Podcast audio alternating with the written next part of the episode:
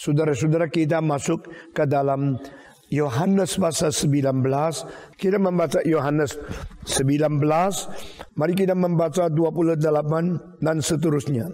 Semua membaca Sesudah itu Karena Yesus tahu bahwa segala sesuatu telah selesai Berkatalah ia Supaya gendaplah yang ada tertulis dalam kitab suci Aku aus di situ ada suatu bekas penuh anggur asam.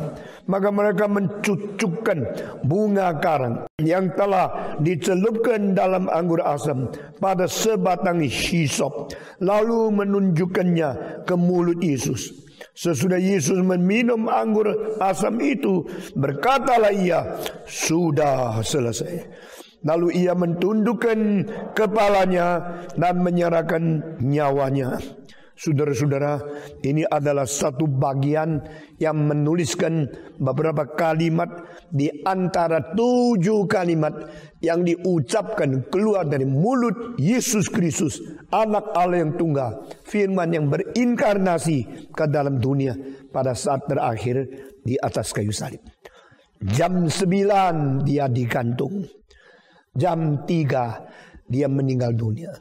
Selama enam jam yang setiap detik penuh dengan keperian, dengan kesakitan, dengan perasaan sangat tersendiri. Dia tidak ditolong oleh siapa. Dia tidak ditilik oleh Allah Bapa. Dia tidak dihibur oleh orang di bawah. Karena dari atas salib pernah kata tujuh kalimat dari bawah salib. Tidak ada kalimat satu pun dari orang yang mencintai dia. Maria Magdalena di situ tidak bicara. Ibunya di situ tidak bicara. Yohanes di situ tidak bicara dan perempuan yang lain yang mengikut Yesus di situ tidak bicara. Saya kadang-kadang pikir kenapa yang ikut Yesus di bawah situ tidak bicara dan sepanjang jalan hampir juga tidak ada satu kalimat bicara untuk menghibur Yesus Kristus. Ini kenapa ya? Karena mereka diam. Karena mereka tidak berbicara. Saudara-saudara. Tapi ada dua yang berbicara. Pertama, yaitu kelompok perempuan yang melihat Yesus lewat. Mereka nangis. Bicaranya pakai seruan tangisan. Bicaranya pakai air mata dan pengeluhan yang luar biasa sedihnya. Tapi Yesus Kristus berkata, Oh, the daughters of Zion, do not weep for me. Do not be sad for me. But you should set on you yourself. You should weep for you yourself and your own children. Jangan ratap bagi aku. Jangan menangisi aku. Menangisilah kamu sendiri dan anak-anakmu. Nah saudara-saudara, reaksi manusia yang simpati kepada Yesus. Mereka menyatakan kesedihan melihat dia begitu disiksa. Dari tusukan duri kepalanya berdarah terus.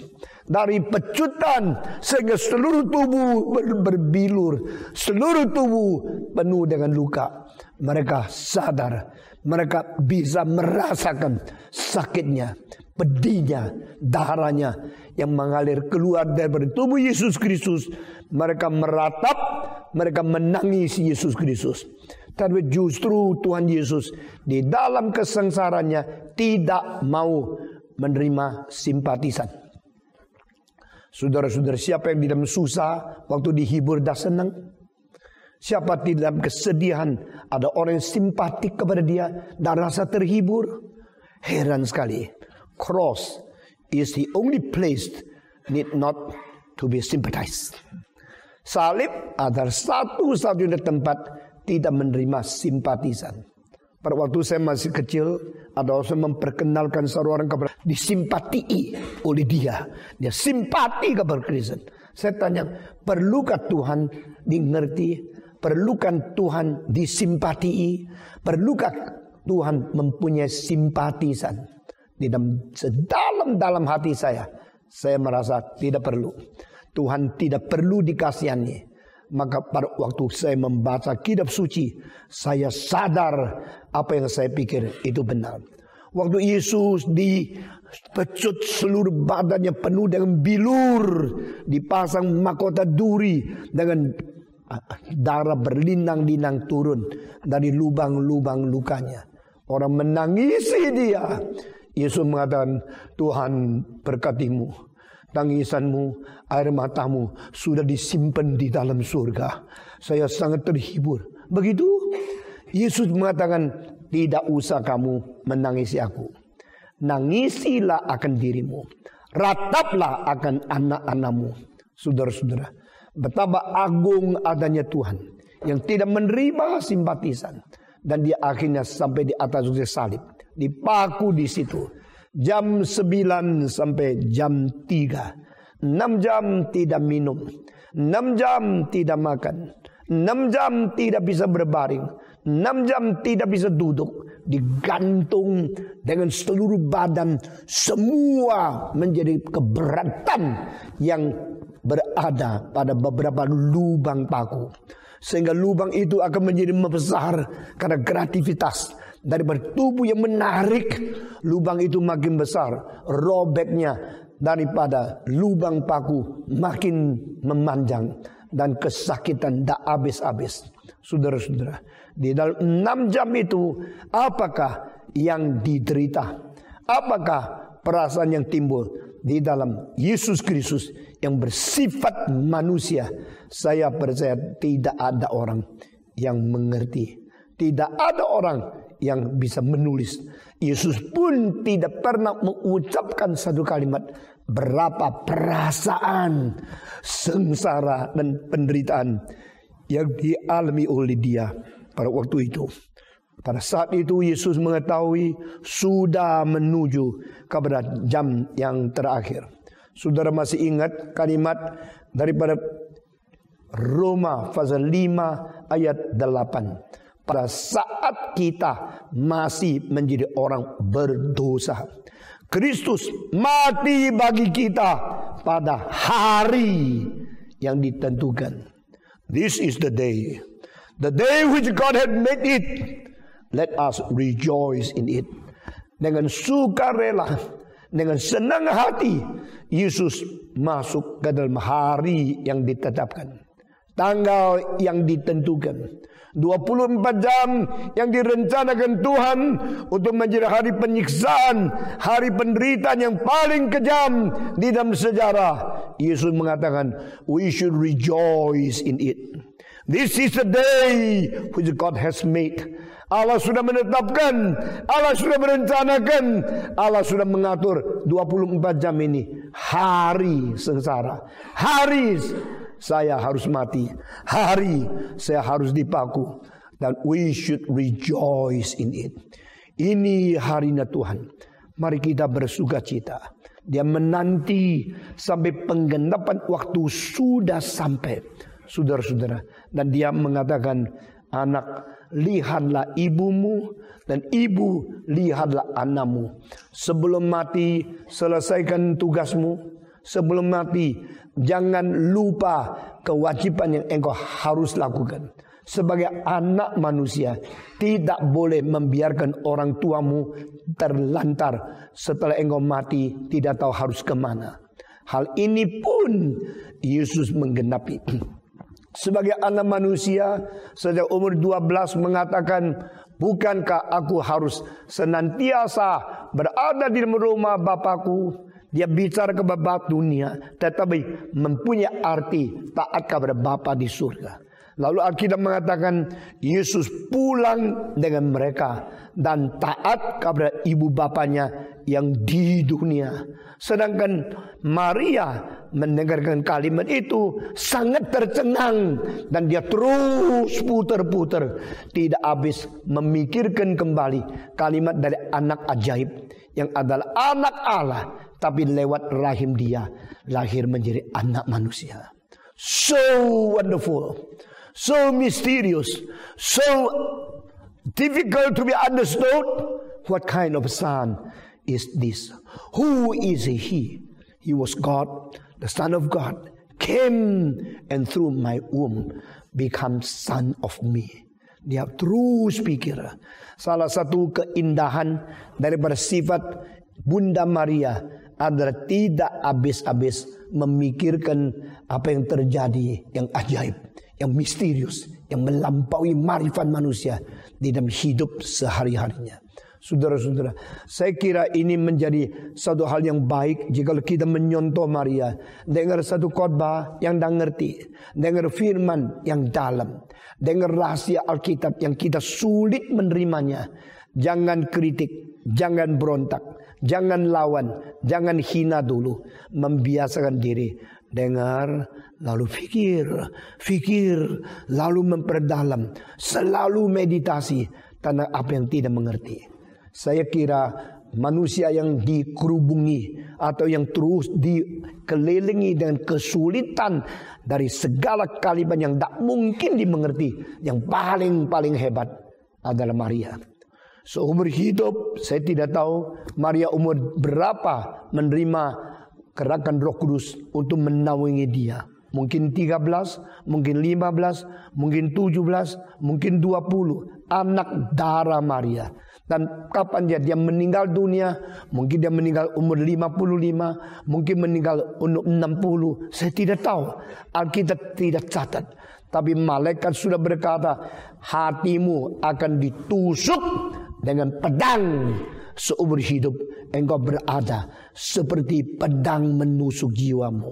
Pada waktu dia melihat anaknya, anak yang sulung Yesus Kristus mengatakan kalimat, apakah hubungan aku dengan engkau? Hei perempuan.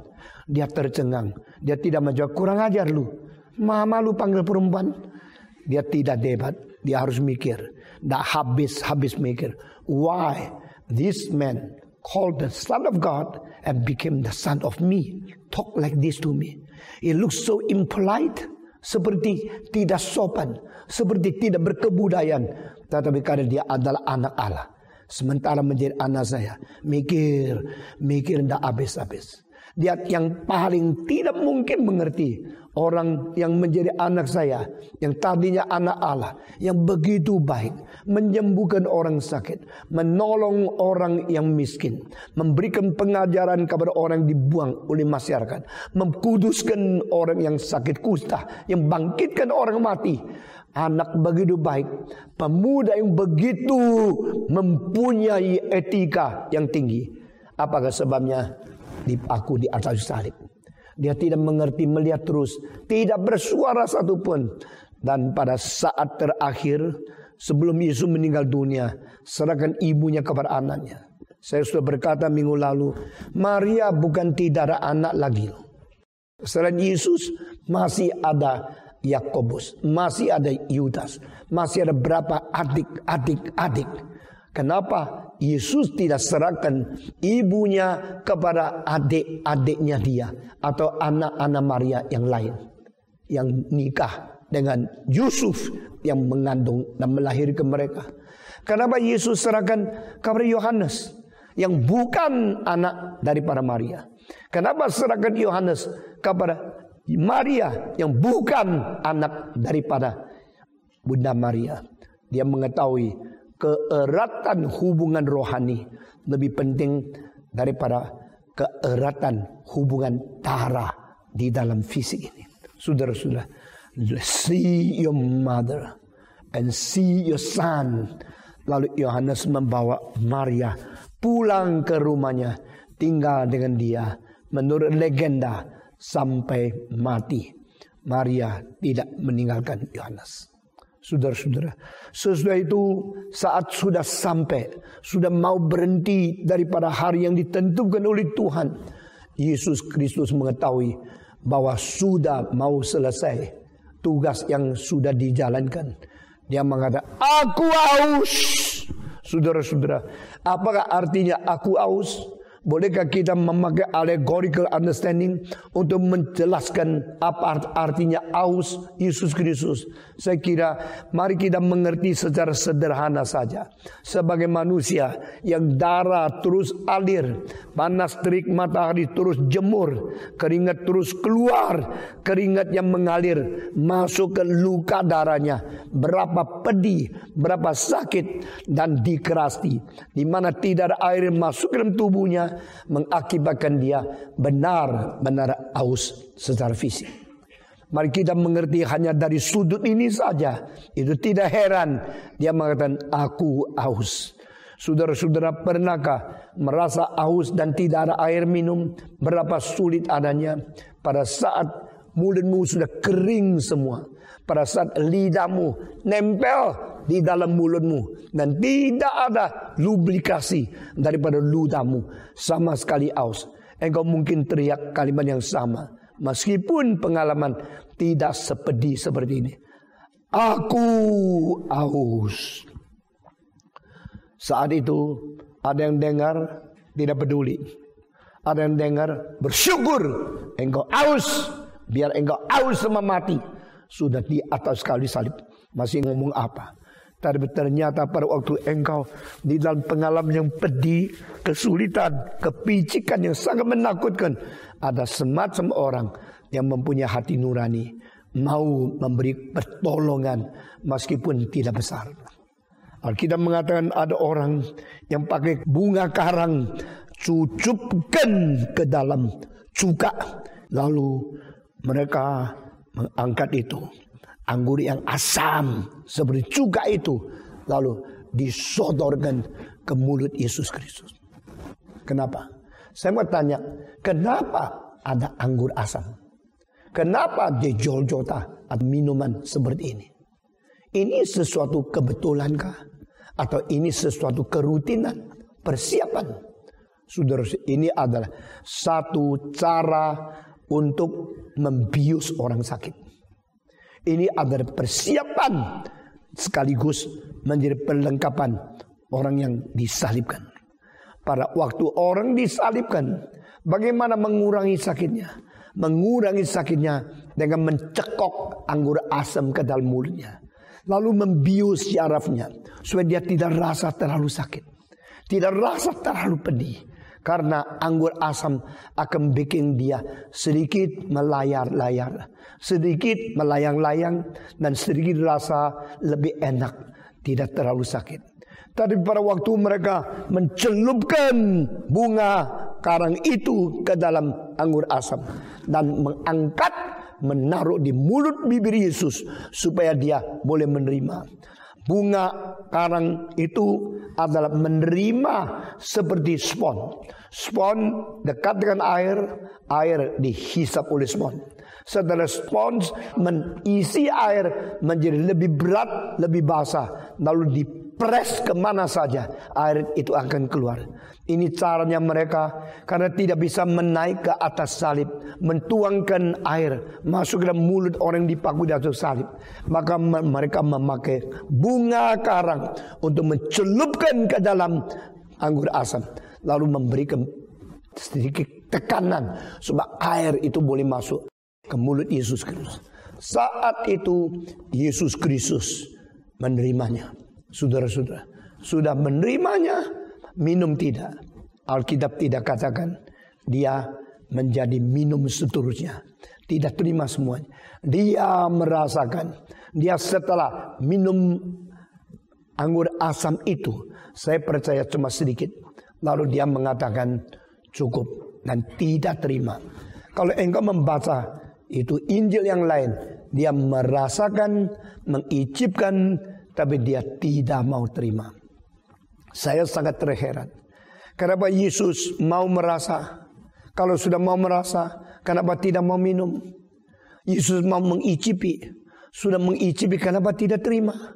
Kalau terima, bukankah lebih enak? Sudah terima akan membius diri, sudah bius diri kekurangan perasaan sakit. Bukan ini sangat membantu seperti obat bius sebelum engkau dioperasi diinjeksikan ke dalam tubuhmu. Lalu pada waktu pisau mengiris dagingmu, engkau tidak perlu merasakan kesakitan itu. Bukankah orang ini orang yang baik? Bukankah hatinya hati yang baik? Bukankah dia memberikan kepada engkau anggur asam agar jiwa yang baik menurunkan perasaan sakitmu di situ? Lalu Yesus kenapa mengicip? Sudah mengicip, kenapa tidak terima terus? Jika Yesus tidak terima, kenapa mengicip? Jikalau mengicip, kenapa tidak terima terus? Ini menjadi sesuatu tanda tanya bagi kita. Saudara-saudara, saya akan menjelaskan dua tindakan ini. To taste it, but do not want to accept it. To taste it, because he is so grateful to those who do good things for him. Yesus Kristus mengicipkan itu, menerima itu, berarti aku tidak menolak kebaikan hatimu. Barang siapa yang mempunyai motivasi yang baik di dalam seperti pekerjaan Tuhan, seperti menghadapi Tuhan, semua diterima baik oleh Tuhan Yesus. Sehingga Yesus tidak menolak mentah-mentahan. Yesus tidak langsung menghina dan tidak mau sesuatu yang disodorkan kepada dia. Dia merasa mengicipkan hal itu. Pada waktu Yesus mengicip, merasa hal itu. Bukan karena kuriositas. Ini enak enggak? Coba sih. Saya mau coba ini kira-kira apa? Rasanya Coca-Cola atau Seven Up atau apa? Tidak. Yesus pencipta segala sesuatu. Dia mengetahui segala sesuatu mempunyai rasa apa semua ada ditetapkan oleh dia. Cuka rasa cuka yang menetapkan adalah Tuhan. Gula rasa manis yang menetapkan adalah Tuhan. Sesuatu yang rasa pahit yang menetapkan adalah Tuhan. Tuhan yang mencipta segala sesuatu. Masakan dia tidak tahu rasa itu. Jadi mengicip, merasakan itu. Sama tidak ada hubungan dengan kuriositas Yesus. Mau tahu rasa itu apa. Dia tahu. Mengapa dia mengicip? Karena dia appreciate what you are doing from your good motivation to him. Yesus menerima kebajikan semua. Yesus menerima dan merasakan anggur asam itu. Tetapi dia tidak minumnya. Tidak terimanya. Kenapa? Kedua, sudah rasa tidak minum. Karena dia tahu kalau dia minum, dia akan lebih enak, lebih lega, lebih tidak merasakan sakit. Dengan begini dia akan mengurangi penderitaannya. Betulkah harus mengurangi penderitaannya? Betulkah dia harus menolak penderitaan 100% untuk mengganti engkau dan saya? Tidak. Di sini menyimpan satu rahasia. He didn't want to escape from the bitterness and the bitter cup given by God to him.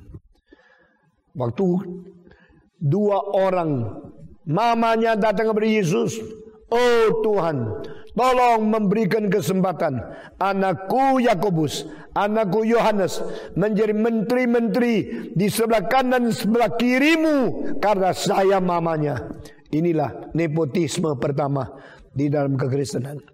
Ini satu doa hanya mementingkan keluarga sendiri, monopoli anugerah Tuhan, tidak mendoakan anak-anak orang lain.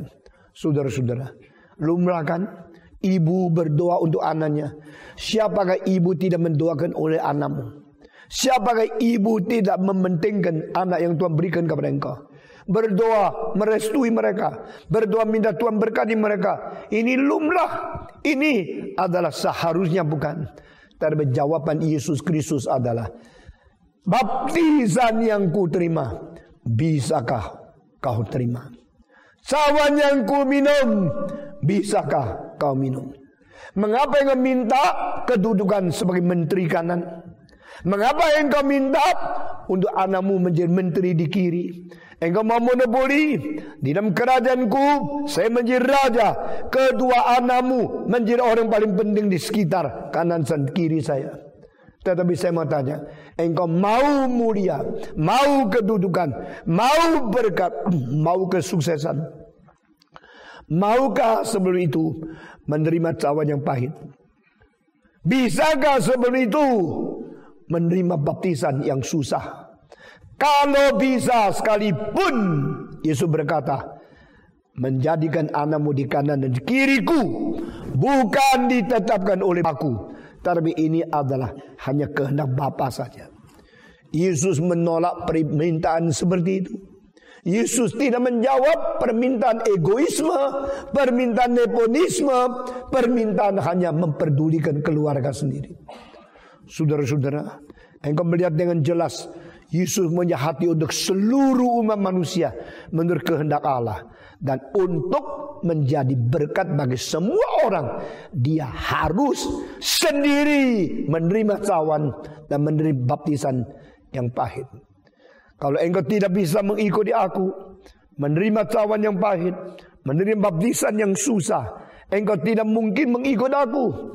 Jika engkau mengikut aku, bukan mengikut aku demi mencari keuntungan mencari kemakmuran, kesuksesan, tapi ikut aku sama dengan aku pikul salib, sama dengan aku minum cawan, sama dengan aku menerima baptisan kepahitan. Bisakah?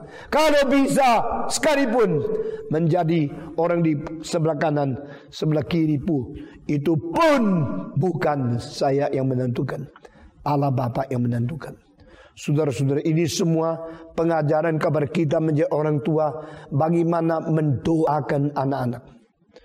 Salah satu doa yang paling indah di sejarah adalah doa daripada seorang ayah yang namanya MacArthur jenderal yang menang peperangan kedua menjadi jenderal yang tertinggi daripada militer koalisi daripada barat yang berperang dengan Jerman, berperang dengan Jepang, berperang dengan Italia dan peperangan terakhir di Asia, di seluruh Pasifik, dia mempunyai kemenangan yang paling meriah.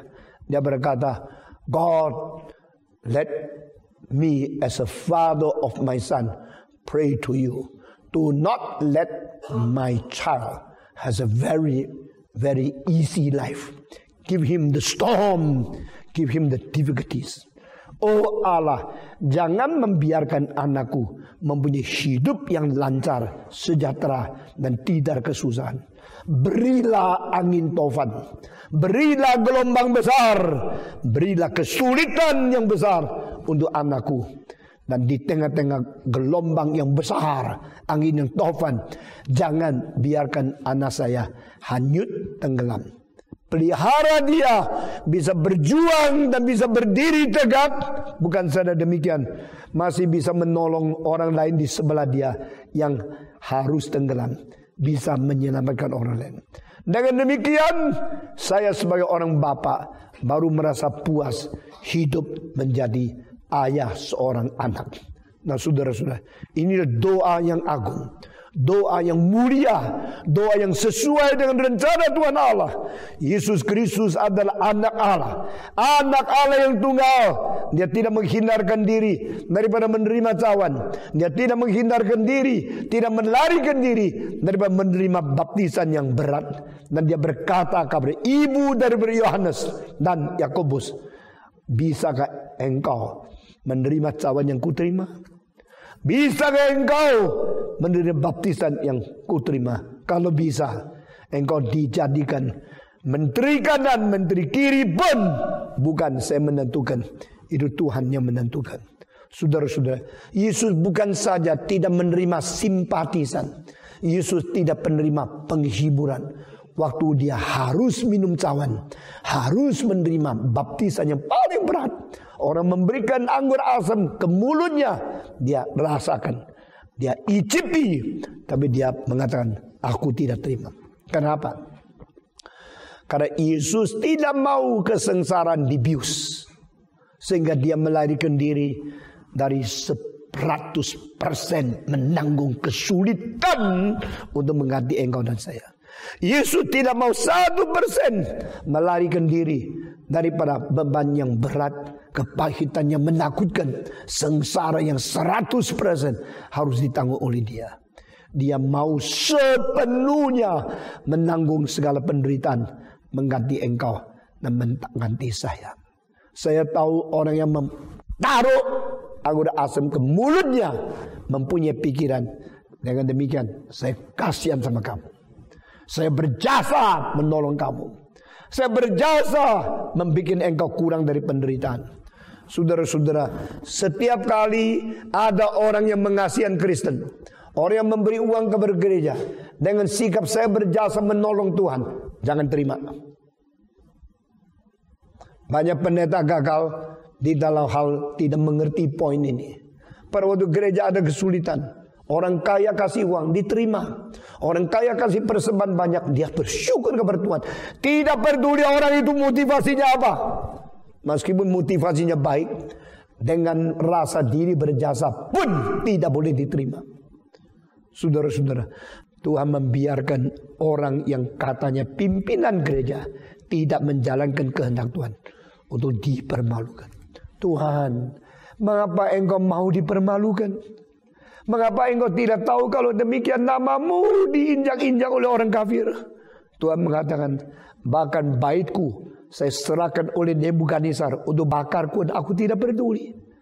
Karena aku tidak membela diri hanya karena yang disebut hambaku telah menyeleweng dari firmanku. Biarlah semua yang menyeleweng dihajar. Biarlah orang yang tidak mengtaati kepada aku mendapatkan pengajaran dan biar mereka dihukum. Biar yang disebut baik Allah dibakar habis oleh musuh.